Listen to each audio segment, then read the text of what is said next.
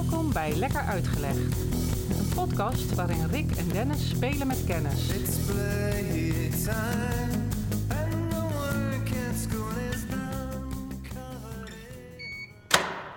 Waar ik met jou vandaag naartoe wil is eh, naar Frankrijk.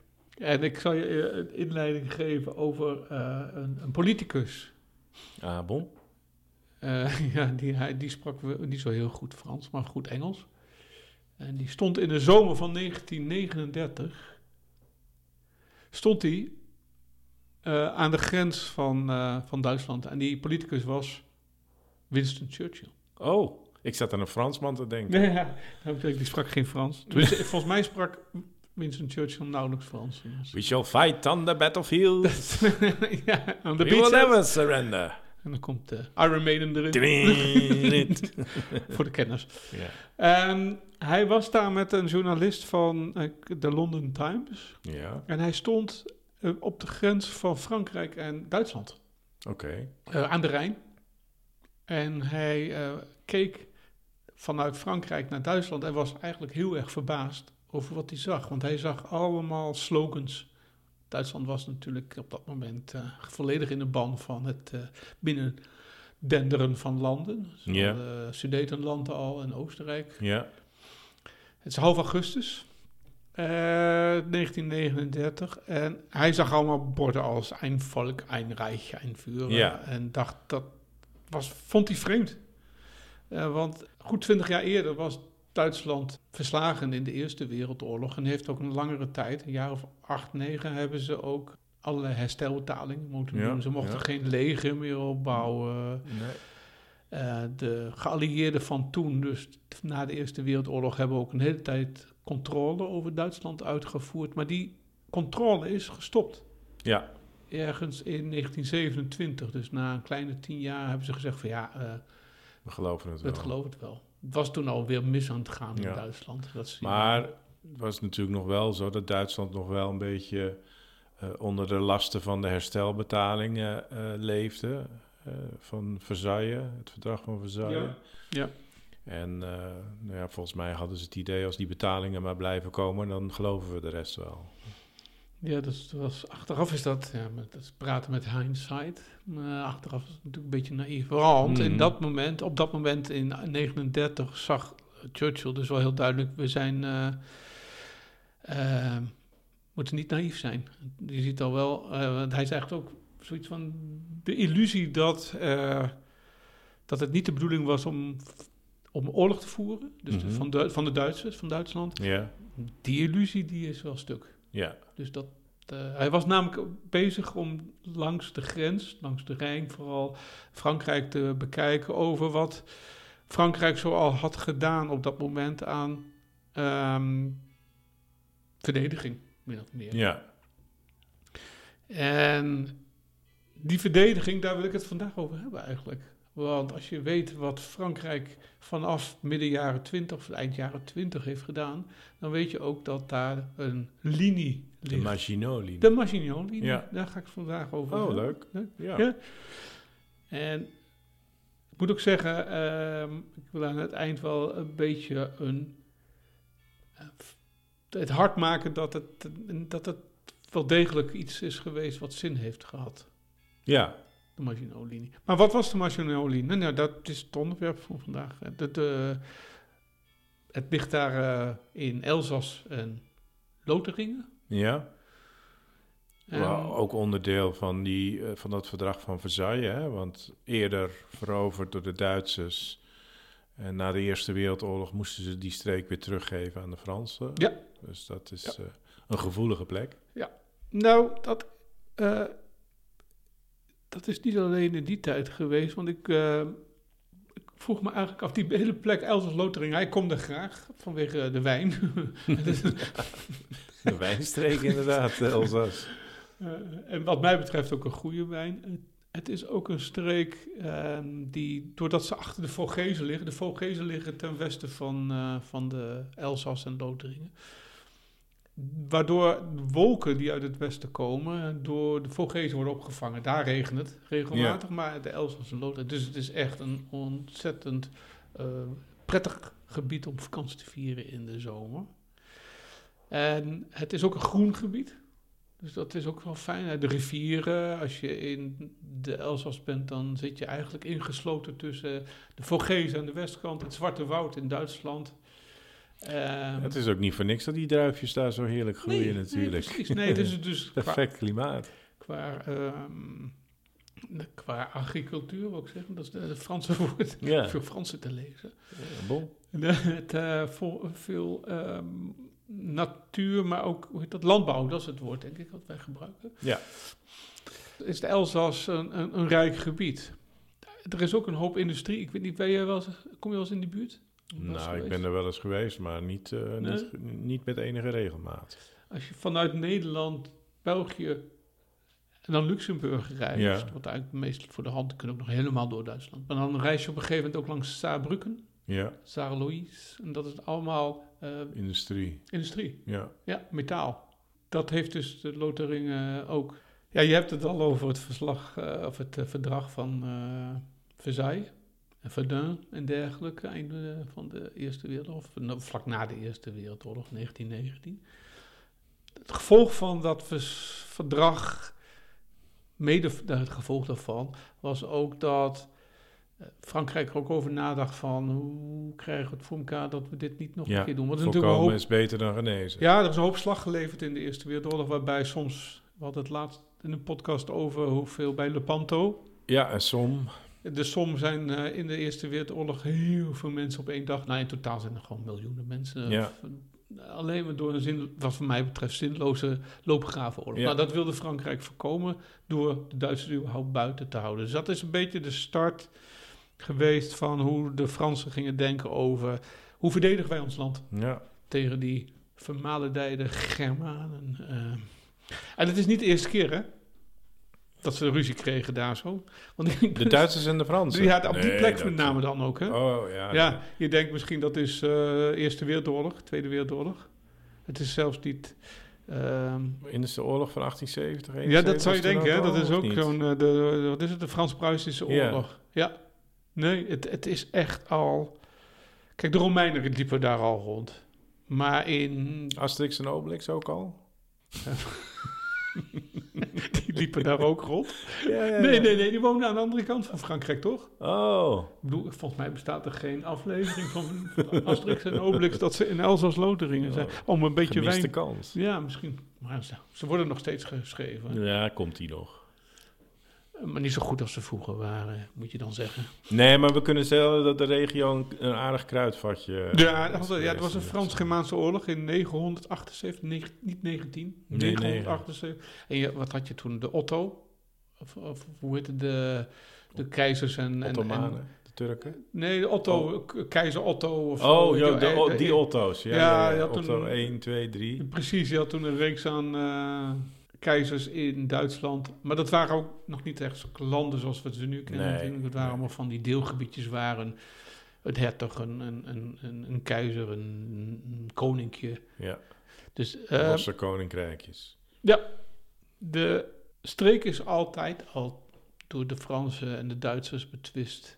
En, en dat, eh, je noemde 1870 is natuurlijk een bekend voorbeeld Frans-Pruisische oorlog, wordt die geloof ik genoemd. Pas na, nadien spreken we van Duitsland als, Klopt. als, als natie. Dus Ja. toen is pas zeg maar, het, eh, het land ontstaan zoals we het nu kennen. En voor die tijd waren dus allemaal die losse stads- of die staatjes, zeg maar.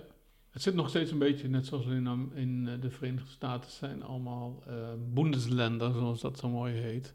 Die ook weer allemaal hun eigen rechten en eigen eh, wetten en dergelijke hebben. Weliswaar vallend onder het geheel van Duitsland. Nee, inderdaad, 1870. Ik wist trouwens niet, omdat ik dacht, wat moet ik wel iets vertellen over wat de aanleiding allemaal was geweest eh, van de Maginot-linie. eh, dat is het overkoepelende, maar die oorlog van 1870 heeft helemaal niet zo lang geduurd. Ik dacht dat, ja, 1870, 71, dat is sowieso niet een oorlog van Hmm. jaren, maar het heeft maar een paar maanden geduurd. Ja, En eh, met als gevolg dat de Duitsers, geloof ik, daar toch wel als overheersers en eh, winnaars van eh, zijn, ja, zijn uitgekomen. Ze zijn tot aan Parijs gekomen. Dus nou, dat was 1870 en dat rommelde wat door. En toen kregen we de Eerste Wereldoorlog. Waarbij eh, Nederland en België zich neutraal opstelden. En de Duitsers denderden door België alsnog naar Frankrijk. Ja, alles behalve neutraal. Alles behalve neutraal. dus die hebben ruzie gehad. Nou, en dan heb je dus dat in het einde van de jaren 10, dus in eh, 1919, al die verdragen worden opgesteld, Ja. herstelbetalingen, zeiden we al. Eh, de Duitsers wilden de, eh, of de, de Fransen wilden die shit niet meer, zeg maar. En jarenlang, een jaar of acht lang, heeft Duitsland ook eh, zich een beetje gehouden. Ook al had je al inmiddels de putsch van Hitler was in. Nee, 23, toen is hij 23. vastgezet. Ja, dus de, de, het rommelde in Duitsland al lang weer. Ja. Dat ehm, bedacht Frankrijk ook wel van, ja, maar moeten wij dan leidzaam toe gaan zien dat die Duitsers weer bezig gaan? Ja, die zagen de bui letterlijk hangen. Ja. Dus in eh 27 begon Duitsland weer met een eh, leger opbouwen. Dat heette geloof ik toen de Reichswehr. Mhm. Terwijl ze dat eigenlijk niet mochten Nee, van eh, de geallieerden. Maar doe het toch. ja, Dat is een beetje de dat is een beetje de stijl van Hitler. Ja, die was toen al, al lang aan. Was hij toen alweer vrij? Ik weet nooit zo goed. ja, ik geloof dat hij niet zo heel lang vastgehouden is. En toen heeft hij ook Mijn Kamp geschreven, Ja. terwijl hij vast zat. Maar hij is eigenlijk al vrij snel eh, weer vrijgelaten. Maar goed, in 27 werd duidelijk dat de Duitsers eh, niet de liefers wilden Nee, blijven nee. zijn die ze moesten zijn van de geallieerden. Dus je kreeg eh, bij de Fransen eh, toch wel het idee van, we moeten hier wat doen. Dus, wat gaan we doen? We willen niet meer dat hier gevochten wordt. We gaan de, de Duitsers buiten houden. En dat werd uiteindelijk de Maginot-linie. En meneer Maginot heeft hem bedacht. Echt wel. Ja, dat Ja. dacht ik. Ja. Wie was Maginot? André heet hij van voornaam. Was een eh, veteraan uit de Eerste Wereldoorlog en werd in de acht, eh, 18, in 1929 minister van Defensie. En die heeft samen met een aantal mensen nagedacht over wat doen we eraan? Hoe zorgen we dat we die Duitsers bijhouden, eh, buiten houden? Je had twee opties. Ene was, we gaan ons helemaal ingraven, wat eigenlijk de Eerste Wereldoorlog Ja. ook een beetje was. Met een vaste, lange eh, defensie. Eh, dus een verdediging waarbij eh, in dit geval langs de Rijn, want Duitsland is voor een groot deel met Frankrijk, heeft een grens met Frankrijk van de Rijn eigenlijk. Mooie natuurlijke grens. En de optie van iemand die je ook wel kent van qua naam, Charles de Gaulle, Mhm. ook een veteraan, die was meer van eh, de nieuwere methode. En dat was een soort van flexibele eh, verdedigingsmacht. In plaats van dus vast alles te leggen met eh, loopgraven even als, als beeld, wat Ja. uit de Eerste Wereldoorlog komt, wilde hij meer de nieuwere manieren van oorlog voeren. Waaronder gebruik van tanks. Dat was, was een vrij nieuw iets. En meer een mobiele oorlogsvoering. Dus waar de nood aan de man is, daar gaan we de troepen en de, de materialen heen bewegen. En daar gaan we eh, volle, volle kracht vooruit. En wordt het elders weer panibel, dan, eh dan we verplaatsen we ons. Maar degene die dus liever zagen dat er iets Permanent. permanents zou komen, eh, waaronder dus Maginot, nog twee andere, waarschijnlijk ook wel bekende namen, Petain, ja. Maarschalk. Justin. Nee, hoe heet die ook weer? Nee, Petain, dat was die. Giscard d'Estaing. Dat is Oh, nee, dat is weer een ander. Want die was ook wat later. ja, ook. die zit ergens ook in mijn hoofd, joh. Nee, Petain was van het eh Vichy-regime. Dus, ja, eh, die eh, heeft nog samen gehuld met de Duitsers. Ja, ja. klopt, Ja, ja, ja, ja. ja, ja. Dat Dus- is ook, en Joffre, ja, dat is een minder bekende naam, denk ik. ja, met een J. Met een J, ja. Ik weet niet hoe of spreekt het goed uit. Joffre. Het Joffre. Joffre. Ik heb net gisteren mijn zoon gevraagd of ik hem moest overhoren voor zijn eh, Franse Frans. repetitie van. Hij zei nee, papa. Dat hoeft niet. no merci, joh. non, merci. Nee, ik heb het wel gedaan. Oh. Ehm, Je hoort het ook meteen, hoor. Ik merk het aan, aan je. wat, dat, je goed in je Frans zit. Ja? Oh, ja. Ik probeerde hem ook een grap bij te brengen dat de Fransen altijd zeggen, huh? En dat dat dan geschreven is als H-E-I-N. En die altijd me vragen, wie is toch die Hein? Ja. Nou, ik spreek af en toe een beetje Frans, ja. Ik eh, was een jaar geleden of zo, of twee jaar geleden waren in Frankrijk en ik sprak ehm, zonder na te denken. En dan Ja. weet je dat je weer je, je taal wel weer zodanig beheerst dat mijn... eh, mijn Dat, je, dat je je redt. Ja. ja, wat mijn vrouw me aankeek, zei van... Waar kwam dat vandaan? dus eh, ja, Joffre en Petain waren eh, ook... eh, Medestanders van Maginot. ja, alleen zij wilden een light versie. En eh Maginot wilde echt een Echt een betonnen zware. eh, ja, defensie. ja, en die is er uiteindelijk eh, is er ook gekomen. En die heeft eh, toen hij overleed, Maginot overleed in 32, die kreeg, eh, kreeg die linie uiteindelijk ook zijn naam. eh. Maar is die ooit helemaal vervolvaardigd? Nou, daar gaan we het vandaag nog verder over hebben. Oké, Ja. dat vraag ik me namelijk af. Ik ook, want ik kom dus al jaren met tussenpozen als we niet naar een ander land gaan, komen we in die streek. Ja, Noord-Frankrijk en de, de oostgrens met Duitsland. En ik wilde al heel vaak. Ik had, ik kende de Maginot-linie van naam al. En, Ja. wel- en ik was ook wel eens van die, van die betonnen plukjes, had je, zag je wel in het Ja. landschap. Ik wilde het ook wel eens zien. Dus ik heb me daar eens eh, helemaal opgestort. En is die af? Nou ja, dat is een goede vraag. ja. Want hoe ziet hij er eigenlijk uit? De Maginot-linie is lijn van bunkers die in de jaren 20 zijn begonnen. Maar eigenlijk voor het grootste deel in de jaren 30 zijn die eh, gemaakt. En die bunkers bestaan uit betonnen eh ouvrages. Als je het Frans kent, dan is. Openingen. Nee, eh, werken zouden wij het noemen. Oké. En die liggen met name aan het stuk tussen Basel in Zwitserland en zeg maar Luxemburg. Dus de hele, hele grens met Duitsland volgt die Maginot-linie, volgt die hele grens. Ja, Richting België ja, zijn wel ouvrages, werken of Ja. bunkers. En richting Italië ook wel, maar het grootste deel van de Maginot-linie is bevindt zich tussen Duitsland Ja, en... eh, Ze wilden voorkomen dat, dat wat, Ja. wat de grootste angst was, dat Ja. de Duitsers binnendenden. ja, dan zou ik daar ook beginnen inderdaad, in die kant. Ja, het is ongeveer 450 kilometer eh, lang. En je moet niet denken aan een muur. Ik zei al aan het begin, Ja. een muur zoals in Berlijn of zoals, Nee. eh, zoals eh, Trump dat in, eh, in Amerika was. Nee, je moet meer denken, als, oh, voor, voor de echte geschiedenisliefhebbers, die kennen de, de, de term de limes. Ja, de- daar moest ik ook aan denken. Ja. Aan het Romeinse systeem van... ze maken eigenlijk een soort van wachthuizen. En om de zoveel wachthuizen heb je een legerkamp. Eh, dat is zo met elkaar verbonden dat er contact mogelijk was tussen de wachthuizen en de legerkampen. En als er dan onraad ergens langs de linie, hè, langs de limes, eh, ontstond, dan was iedereen heel snel in te schakelen. En dan hoefde de soldaten ook niet van heel ver te komen, want er was altijd ergens om de zoveel wachthuizen was een, eh, was een legerplaats. Ja, met alles erop en eraan. Ja. Dus een, een, een slaapplek, eh, Ja. ehm, een keuken, wc's. eh. maar gold dat ook voor die Maginot-linie? Ja, eh, en omdat ik eh, deze zomer tot mijn grote vreugde binnen heb mogen zijn, Ja. wat nog weer een verhaal op zich is, dat doe ik meteen nog wel even. Er zijn dus op die 450 kilometer eh 142 van die werken. En wat zo'n werk is, dat leg ik zo uit. Er zijn kazematten, dat zijn meer, Ja. ja, hoe zou je een kazemat ver- vertalen in Ja, het een Nederlands? Of zo- bunker. Een soort van bunker waar je wat aantal mensen, dat is niet groot in Nee, ieder geval. nee, nee.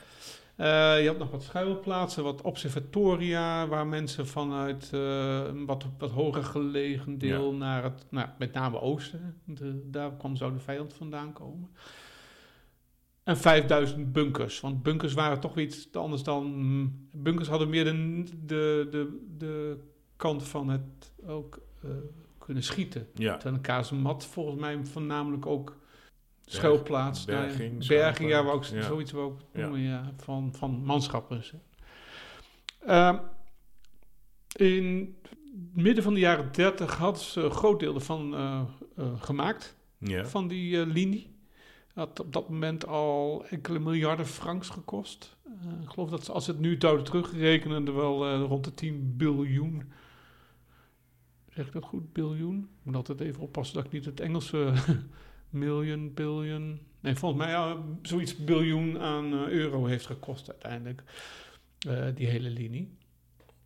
En in 1940, en daar eh, begint ongeveer het verhaal natuurlijk ook voor de Duitsers, ja. waren er iets van 2 miljoen manschappen in al die ouvrages, in al die werken, bunkers, kazematten eh, aanwezig.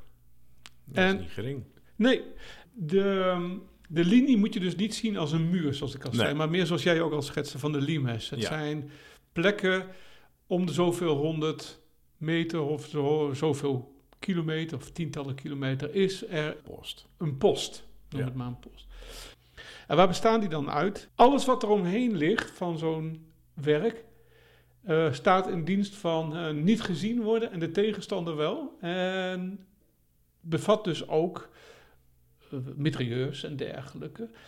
Vanuit het oosten gezien, dus de Duitsers die kwamen van het oosten, die zouden in principe niks kunnen zien. Ze wisten dat die Maginot-linie er was, waardoor Mhm, er waren ja. genoeg spionnen en dergelijke. Maar je kon niet goed zien, door de manier waarop ze gebouwd waren, waar ze in het landschap liggen. En het landschap van de Maginot-linie is licht heuvelig. Ja. Dus die oevrages, die werken, ik gebruik het Nederlandse woord wel, werken zijn ingebouwd in de, De natuur. in de natuur. In de, de, glooiing van het landschap. ja, precies. In de, het zijn heuvels, dus eh, je ziet ze nauwelijks. Het bestaat dus uit anti-tankposten. Laat ik, laat ik beginnen waar bij de grens. Want eh, ze kunnen eh, vanaf het moment dat je de grens hebt terug je het land in, dus terug Frankrijk in, kun je eh, al beginnen aan het verdedigingswerk. Want Ja. het feitelijke verdedigingswerk zit enkele tientallen kilometers. Dus die Maginot-linie van bunkers en werken, dat zit een, een flink stuk Frankrijk in. Mhm. Maar al bij de grens staan al hier en daar huizen, dat vind ik ook zo mooi, waarin al mensen aan het kijken waren. Wat Ja, dus de verdediging begint al eerder. de verdediging begint op de grens. Ja. Ja. Ja, dat is ook wel verstandig, denk ik. Want als, eh, eh, als je begint met je Maginot-linie en ze weten daar een bres in te slaan... Ja, dan sta je natuurlijk al een beetje met je, met je handen in de zakken. Eh, en steeds verder zitten anti-tank dingen, want tank was een, was een geducht Ja, die is in de eh, Eerste Wereldoorlog een beetje ontwikkeld. Ja. En tot, nou ja, nog niet perfectie, maar in ieder geval wel eh, heel goed bruikbaar en behoorlijk vernietigend. En de Frans had ook wel door, dat gaat een onderdeel worden. Dat kun je Ja. wel eh, op, je, Ja. op een briefje geven. Hoe verder je dus het land inkomt, hoe, eh, eh, hoe meer je aan eh Maginot-linie onderdelen eh, ziet. Tot, op- tot op die werken. Die werken voor zeg maar, de kern van de Ja. Maginot-linie. En als je nog verder het land ingaat, dan kom je allerlei aanvoerslijnen. Want je hebt die, die, die, die bunkers hebben ook van alles nodig. Ehm, eh, munitie, voedsel, manschappen.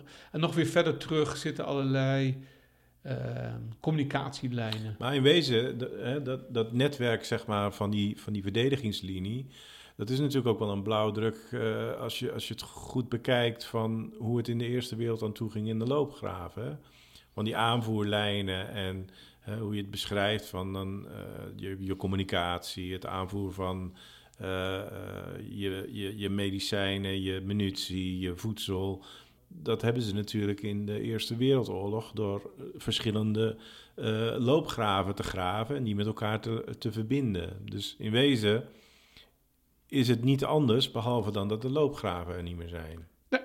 Achter loopgraven, omdat men toch bang was dat als men er wel doorheen zou komen, zou men ook willen dat dan alsnog ergens iets als soort van Eindbaas. Ja, ja zoiets. Hadden ze ook inundatievelden, wat een beetje weer lijkt Ja, op onze ja. Hollandse waterlinie, die ook op basis van ondergelopen land eh, functioneert. Dus het is een hele reeks als- Systeem van verdediging. verdediging, Eh, ja. Klopt. Ik ben deze zomer, en eh, kan het iedereen aanraden, ik ben in, eh, waar waren in Frankrijk. En we waren in de buurt van eh, het Simserhof.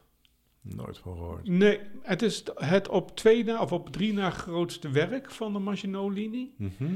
En er stond, is Hof, het klinkt al... eh, Duits. eh, eh, Duits, ja, het is van Frankrijk, maar Zimselhof, dat klinkt inderdaad heel Duits. Het was een oude boerderij die daar stond, waar nu het fort staat. En ze zijn in, begonnen met het bouwen, en dat geeft er wel een beetje aan, denk ik, hoe lang zoiets ook duurt, eh, in 1929. En in 38 was hij af. Jeetje. Dus het is een aanvoer van beton eh, Ja. geweest, eh, van staal. En ze we hebben alles erop en eraan gemaakt om het onoverwinnelijk te maken. Op Ja. dat de Duitsers er niet bij konden. Ja. Er zaten ongeveer 800 mensen in het fort ten tijde van het begin van de, van de Tweede Wereldoorlog. En nou ja, we weten achteraf, eh, het is makkelijk praten, achteraf weten we dat de Duitsers wel degelijk binnen zijn gekomen in eh, Frankrijk.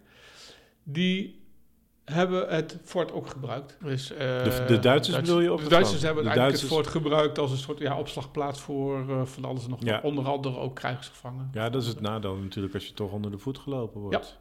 Dan eh, gaat het tegen je gebruikt worden. Ja, ja, ja, inderdaad. Maar hoe moet je zo'n werk nou eruit zien? Dat vond ik het leuk. Ik kwam aan op die dag. En toen bleek, want het was eh, zoals wij nog steeds een beetje in een pandemie leven, leven dat heel veel musea en, en ook het, eh, zo'n Simsenhof, daar mocht je niet in. Nee, Met, het, eh, met, met, eh, met COVID-maatregelen. maar ik kwam aanlopen en dan vind ik het toch wel weer leuk als je dan net op die dag aankomt. Er stonden een paar mannen en ik, eh, ik raakte met ze in gesprek in een mengsel van Duits en Frans. En ik zei, "Goh, zijn jullie wel of niet open? Want ik weer grappig, de deur stond open. ja. Ik zei, maar zijn jullie nu wel of niet open? Toen werd er een beetje met een Franse blik zo gekeken, zo van, eh, hoort niemand dit? Nou, het is op zich wel open. Maar we mogen geen reclame maken, we mogen ook geen geld vragen. Nou ja, dan eh, laten we kijken. Maar zou u het willen? Ideaal. Ik zei, nou, Ja, nu ik hier toch ben. Maar ik, ja. wilde dolgraag, maar ja, het moet natuurlijk ook niet weer te happig lijken. nee, maar nee, ik, ben, ik zei ja, ontzettend graag. Nou, zei ze, dan gaan wij even een, ehm, een gids regelen. En aangezien ik Duits sprak, en later kwam er nog een familie, hebben we die dag met een Duitse gids het uh, Simsenhoven mogen bekijken. Maar is het nu een Franse eh, eh, attractie, zeg maar nu? Een Frans museum? Of is het Ja. een Duits museum? Nee, het is wel Frans, maar ze hebben wel een Engelstalige gids en een Ja, Duitsstalige. ja, ja. En iedereen En daar... het is nu niet een verenigd eh, project bijvoorbeeld, om het, het, het samen zijn en de vrede in Europa, zeg maar. Eh, eh, nee, dit ligt nog te steeds op, bezegelen. dit ligt nog steeds op Nog Frans steeds grondgebied. Nee, ja. Oh, Nou, de, de, de- men doet wel relaxed. Het rare is, dit, wat jij al zei, het gebied is vaak van land, van de eerst naar Duits, en Ja, dan weer ja, Frans, en dan ja. weer Duits. Heen en weer gegaan. En dat deel waar we waren is zo dicht bij de Duitse grens. eh, eh, dat je, eh, heel veel mensen spreken Duits en Ja, Frans door elkaar. Dus, eh, nee, maar we hadden een Duitse gids. En zij nam ons eh, die middag eh, mee het werk in. En dan merk ik wel van, oh wauw, dit is wel een enorme investering. Je moet je voorstellen, het is een aantal voetbalvelden groot onder de grond. jeetje. Het is dus niet echt maar een huis of zo, of een kasteel. Nee, het is een enorme oppervlakte. Het idee was ook dat mensen, eh, soldaten daar in moesten. in moesten, Ja. maar daar ook maandenlang in Ja. principe moesten kunnen overleven. Dus wat moest er allemaal zijn? Nou, elektriciteit, Ja, eh, munitie, ja. eten, water. Dus dat is allemaal ingebouwd. Er is een keuken. Er is... Septic tank. Nou, ja, daar zeg je iets. Dan zeg ik iets. Ja, daar zeg je inderdaad iets. Ja, die heb je toch nodig als je daar onder de grond leeft. Ja, dat is vanwege dat ze ook af en toe poepen en plassen ja, natuurlijk. Ja, afvoer ook- van eh, een Ja. soort riool, zeg maar. Nou, ze hadden nog iets anders waar ze doodsbenauwd voor waren. Nou, Gas. dat gebruikten ze onder de grond bedoel je? Nee, ze hebben natuurlijk de Eerste Wereldoorlog, hè, veel gasaanvallen. En ze waren heel bang dat de Duitsers ehm, ze- zich zou, de, de, die overage die werken zouden bestoken met ja, gas. Ja, Dus, eh, het, en omdat ze onder de grond zit en dat gas kan nergens heen, Nee. behalve onder de grond blijven, Ja. hebben ze ook heel veel aandacht besteed aan eh, een methode om het gas buiten te houden en als het binnenkwam zo snel mogelijk weer eh, eruit te werken. Dus wat heel belangrijk was, omdat ze het af wilden kunnen sluiten en helemaal zelfstandig laten zijn, betekent ook dat ze een heel systeem moesten hebben van ontluchting. ja, ja, zuivering. Maar dat is ook een, dat is een beetje een trauma hè, van de Fransen, dat gas, dat chemische de gas, dat chemische oorlogsvoeren. Want de Fransen waren de eerste die gebruik maakten van chemische oorlogvoering. Door het gooien van granaten en met mosterdgas of Mm. een ander soort gas. Ik weet niet of mosterdgas de eerste waren. Maar in ieder geval waren de Fransen die het als eerste gebruikten. Maar meteen vanaf dag één was het een trauma, want De wind. juist, ze gooiden het van de ene naar de andere loopgraaf, naar de vijand toe. Alleen dat deden ze tegen wind, dus ze werden zelf slachtoffer van hun eerste aanval maar- met gifgas. Je mag er niet om lachen, maar het is zo'n... Ja, het is typisch Frans. Dat het eh, tegen gaat, Ja. eh, gaat werken. Maar goed, Frankrijk was in de Eerste Wereldoorlog ook. Hè. Als je kijkt naar die oude, eh, de, de oorlog van, van 1870... Mm. Hè, dat is nog een ouderwetse oorlog waarin de Fransen in blauw, wit en rood tenue het strijdveld opgingen en als heren het gevecht aangingen. Nou, dat zouden ze de Eerste Wereldoorlog zijn ze ook het strijdveld eh, de eerste week zo opgelopen. Van kijk, ons is eh, in onze rood-wit-blauwe pakjes. En toen stond er een mitrailleur aan de andere kant. Hè? Want de Eerste Wereldoorlog zorgde voor heel veel vernieuwing op het gebied van oorlogvoering. Dat is de eerste moderne oorlog. Dus toen moesten de Fransen ook weer hardhollend terug. En oh jee, we moeten eh, ook een beetje camouflagekleding aantrekken. En andere wapens eh, enzovoort enzovoort. Dus ze waren in die Eerste Wereldoorlog nog niet heel erg voorbereid. Maar dat gifgas, dat was zeker een traumaatje Ja. daaruit. Je noemt trouwens ook twee dingen die... eh, of, of ik zie dat als twee dingen met... Vernieuwing zat er Mm. voor mij ook in. Het feit dat ze inderdaad tanks begonnen te ontwikkelen. Die kwamen in de Tweede Wereldoorlog keihard binnen. Ja, lu- luchtgeschut. En inderdaad. eh, Ja. ja. en, en vliegtuigen. ja, Die, de eerste vliegtuigen werden gebruikt in de Eerste Wereldoorlog voor een deel ook om ehm, foto's te maken. En later ook, eh, ik geloof dat er ook mensen, mannen met een bom in hun handen in een vliegtuig zaten om die vervolgens eh, uit het vliegtuig te laten vallen. Maar of dat zo echt zo is, ongetwijfeld. Ja. Alle begin is moeilijk. Precies. Goed, die, eh, die werken bestonden dus uit heel veel onderdelen. Ik, ik noemde al dat je voor elektriciteit moet zorgen. Ja. Waarom moesten ze eigenlijk elektriciteit hebben? Ja, om licht te hebben, zou je denken. Mhm. Weet je wat ze daar ook hadden? Als verbinding tussen alle onderdelen? Treintjes. Oké. En dat fascineerde mij zo. Ze hebben dus een heel spoorlijn, een, zo- wel, hè, niet zo'n heel brede trein, Nee. van die, van die smalspoortreintjes. Die vervoerden dus ook munitie en manschappen naar de uiteinden van zo'n werk. Niet dat ze nog in contact stonden met andere werken. Nee, die werken waren ging. allemaal zelfstandig. Ja, Nee, die, eh, die, je kon niet zeg maar onder de grond eh, helemaal de Nee, nee. af. Nee, nee, nee. Die, eh, die treintjes die reden binnen een werk van uiteinde naar uiteinde. En, maar wel met een elektromotor Ja, natuurlijk. dus er was ook een dieselgenerator aanwezig. Dus diesel Ja. om, om, om, Om stroom Die heb ik ook gezien. En die werken, sommige werken nog steeds, Ja. schijnt.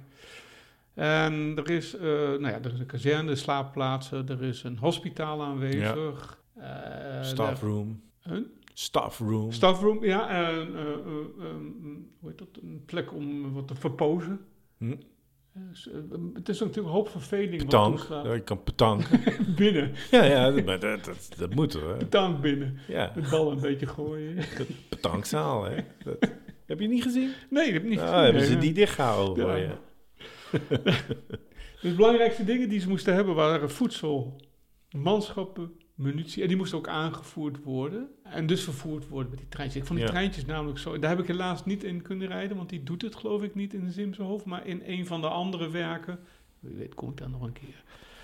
Blijkt dat die treintjes, dat je daar nog mee eh, op, kunt, eh, op kunt rijden. Ja. Dus eh, ja, erg, erg leuk.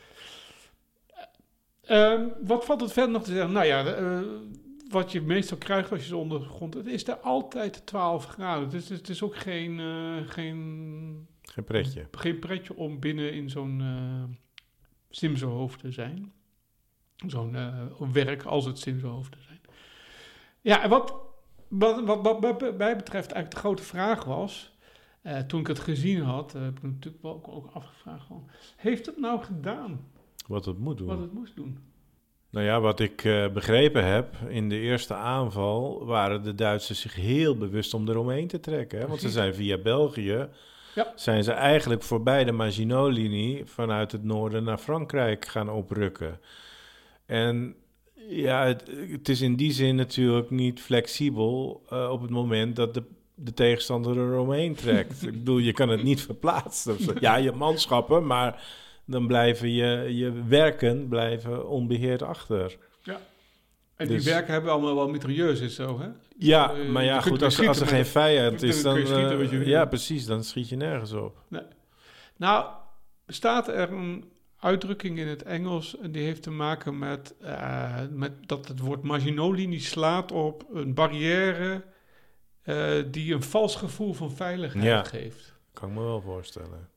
En jij zegt al heel terecht, eh, ze hebben een omweg gemaakt. Dus Ja. eigenlijk vind ik dat die de, de, de historici worden dan nogal, eh, eh, gaan nogal wijzen of zie je wel, die eh, Mm. Maginot-linie heeft zijn werk niet gedaan. Nou, ik denk dat die Maginot-linie uiteindelijk in zijn standvastigheid ervoor gezorgd heeft dat de Duitsers besloten om niet over de Rijn te komen. Ja. Althans niet daar. Nee, eh, kijk, in die zin kan je natuurlijk ook uitleggen dat het wel gewerkt heeft op het moment dat je ook rekening houdt met die omtrekkende beweging van de vijand. Want op het moment dat je dat als serieuze optie eh, incalculeert, hè, dan zijn je troepen al op de plek waar je ze verwacht. Alleen is de vraag, verwachten we ze bij de Maginot-linie en wachten we ze daarop, of verwachten we ze via België eh, in Noordwest-Frankrijk? Ja, want ze kwamen uiteindelijk eh, richting Verdun en Metz en eh, Ja. dat soort eh, plaatsen. Alsnog eh, meer in de rug van Ja. de Maginot-linie. Ja, inderdaad. En toen waren ze al lang eh, Frankrijk ingestroomd richting Duinkerken in Het westen snel. en eh, Parijs en Ja. dergelijke. Dus ik vind dat de Maginot-linie, maar ik heb ook een zwak voor de Maginot-linie vanwege zijn. Ja, je bedenkt, wie bedenkt nou Ja. onder de grond een volledig zichzelfstandig werkend. En het dan ook in twintig jaar gaan realiseren. Nou, in tien, minder dan tien, tien, jaar, ja. ja. En eh, het, was, het ziet er allemaal heel betonnig uit. Het ziet er allemaal uit als wat, eh wat Maginot ook voor ogen had als een zeer zwaar defensief werk. Ja, Ehm, ja, en Simson Hoofd kan iedereen wel aanraden om eens een keer te gaan kijken. eh, als ze weer open zijn trouwens. Weet Ja. je daar weer, eh, en anders gewoon een beetje voor de deur rondhangen en, een gesprekje aanknopen met, ja, met degene die Ja. daarvoor staan. Dan kom je er ook in. twee uur lang een zeer groot vermaak. Tenminste, als je zo'n soort van liefde hebt van wat... ja. en een goede gids. En een goede gids wil ook nog wel Ja, zeker. Dus, Ja, mooi, fantastisch. Lekker uitgelegd is een podcast van Dennis Ai en Rick Roeland. Wil je geen uitleg missen? Abonneer je dan op Lekker Uitgelegd. Dat kan op Spotify, iTunes of in je favoriete podcast-app. Laat ook vooral een recensie achter. Dat vinden wij leuk en andere mensen kunnen ons dan sneller vinden. Lekker Uitgelegd is ook prima te volgen op Twitter, Facebook en Instagram. Wil je meer weten over deze aflevering? Kijk dan op lekkeruitgelegd.nl. En wil je reageren? Dat kan. Stuur dan een mailtje naar info@lekkeruitgelegd.nl. Tot over twee weken. Lekker uitgelegd is een klankmedia productie. En de muziek, die is van Kolbak.